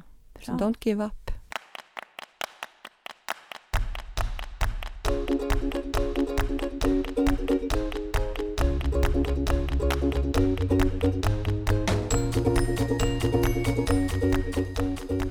Maria, vi kom in på det lite grann men skulle vilja prata lite mer om din bok som kommer. Mm. Kan du inte berätta mer om den och när kommer den Ja. och så vidare? Eh, Om jag ska vara helt ärlig så vet jag inte exakt när, men det är klart att vi kommer ha en deadline. Vi hoppas att den ska i alla fall vara ute till efter sommaren, så Mm. får vi se. Det, är, det blir alltid förlängningar. Men jag skrev ju den första boken Stark, glad, gravid 2007 och den har reviderats fyra gånger, vilket har behövts för det händer saker. Eh, och nu skriver jag en, en fortsättning på den som heter Stark, glad mamma, där jag delar in egentligen eh, boken i tre delar. Knopp, hur man kan må i själ och känslor och eh, relationer och kropp, hur man ska träna och hur kroppen förändras efteråt och mycket, mycket djupare än det avsnittet som jag har i Stark, glad, gravid som ändå finns en del. Och sen mat för kropp och knopp Mm. där jag har en kollega som kommer att skriva hur man, hur man ska äta bra för att bli pigg och få resultat och så. Inga dieter, inte banta utan näringsrikt och hälsosamt Mm. och tips på det då. Eh, så att, eh, ja, det är min andra baby, så att jag brukar säga att jag har fyra barn, men nu kommer jag få mitt femte Mm. som jag ska vårda. Men vad är den största utmaningen med boken? Nej, men, eh, dels ta sig tid förstås och sätta sig ner och skriva och se till att man har eh, min första bok är baserad på forskning och det vill jag att den här ska vara också och läsa artiklar på engelska eh, och liksom, ja, det är en utmaning. Och sen också att när du väl har skrivit boken så vet jag ju inte om det händer någonting tre veckor senare som är mer Mhm. aktuellt än det som handlar i, i boktexten. För en bok eh, lever ju i sin skrift så länge, men på internet och i sociala medier så förändras det ju sekund för sekund. Så Mm. att, eh, att kunna stå för det jag skriver och att det är hållbart i längden, det är också en utmaning att balansera. Och sen att göra den läsarvänlig, Mm. inte så fruktansvärt mycket text. Så att den texten som jag väljer ska vara värdefull. Mm. Mm, det är en utmaning, jag vill gärna skriva mycket. Men det är också roligt att det uppdateras för då får du skriva en till bok sen. Igen. Ja, Stark glad snippa har jag ju tagit patent på, så vi får väl se. Det Har kanske det? blir en sån. Ja, vad Ja, kul. Gud vad roligt. Ja. vi får se. Ja. Ni kanske kan vara medförfattare till den och Ja. berätta alla era och liksom erfarenheter av snipporna. ja, jag är Mm. helt Ja, insnöad vi på älskar snipper. snipper tänkte jag Ja. säga. Men Det är en bra sammanfattning av det här samtalet. Ja, vi slutar aldrig tjata om dessa snippor. nej men det Nej. är bra. Keep up the good work. Och tjejer, ta fram spegeln och kolla på er underliv. Operera er för fan inte, det blir inget bra. Nej, okej, Nej. och det är dagens tips. Ja. Vi brukar faktiskt skicka med lite sådana saker. Jag eh, skickade med ett liggtips häromdagen på mitt Instagram att säg till dig själv fem gånger om dagen i spegeln, fan snygg du är. Eh, och, men till eh, nu skickar vi alltså ut tipset att eh, alla ska hem och titta. Ja, det är mitt Titta tips. med spegeln. Mm. Titta Lär med känna spegeln. ditt underliv. Det är fan Mm. skitbra. Mm. Och eh, be din partner att känna efter. Fan. Mm. Om man har någon. Ja. Ja. Annars får man känna ja, själv. annars får man känna själv. Mm. Men fan, bli, bli lite intresserad där. Ja, Go underliv. God underliv. Nu går vi och tränar. Nu. Ja, det gör vi. Okej. Tack för att du kom hit. tack för att jag fick komma. Var hittar man dig förresten, brukar vi också avsluta med. Jag, jag är inte så bra på det där med sociala medier, men jag har en Facebook-sida som heter eh, Maria Wigbrandt, en barnmorskas vardag, stark, glad, gravid och sen finns jag på Instagram med mitt namn, men eh, jag är inte jätte... Jag ska bli bättre, jag lovar. I Mhm. promise. Ja, och Ja. kan man som gravid få, ha en ens möjlighet Ja, att nu få kommer tid det hos bli dig? värsta kön. Ja, såklart. Så vart finns du då? På Mamma Mia på Karlavägen finns jag. Mm. Tack så mycket Maria. Tack.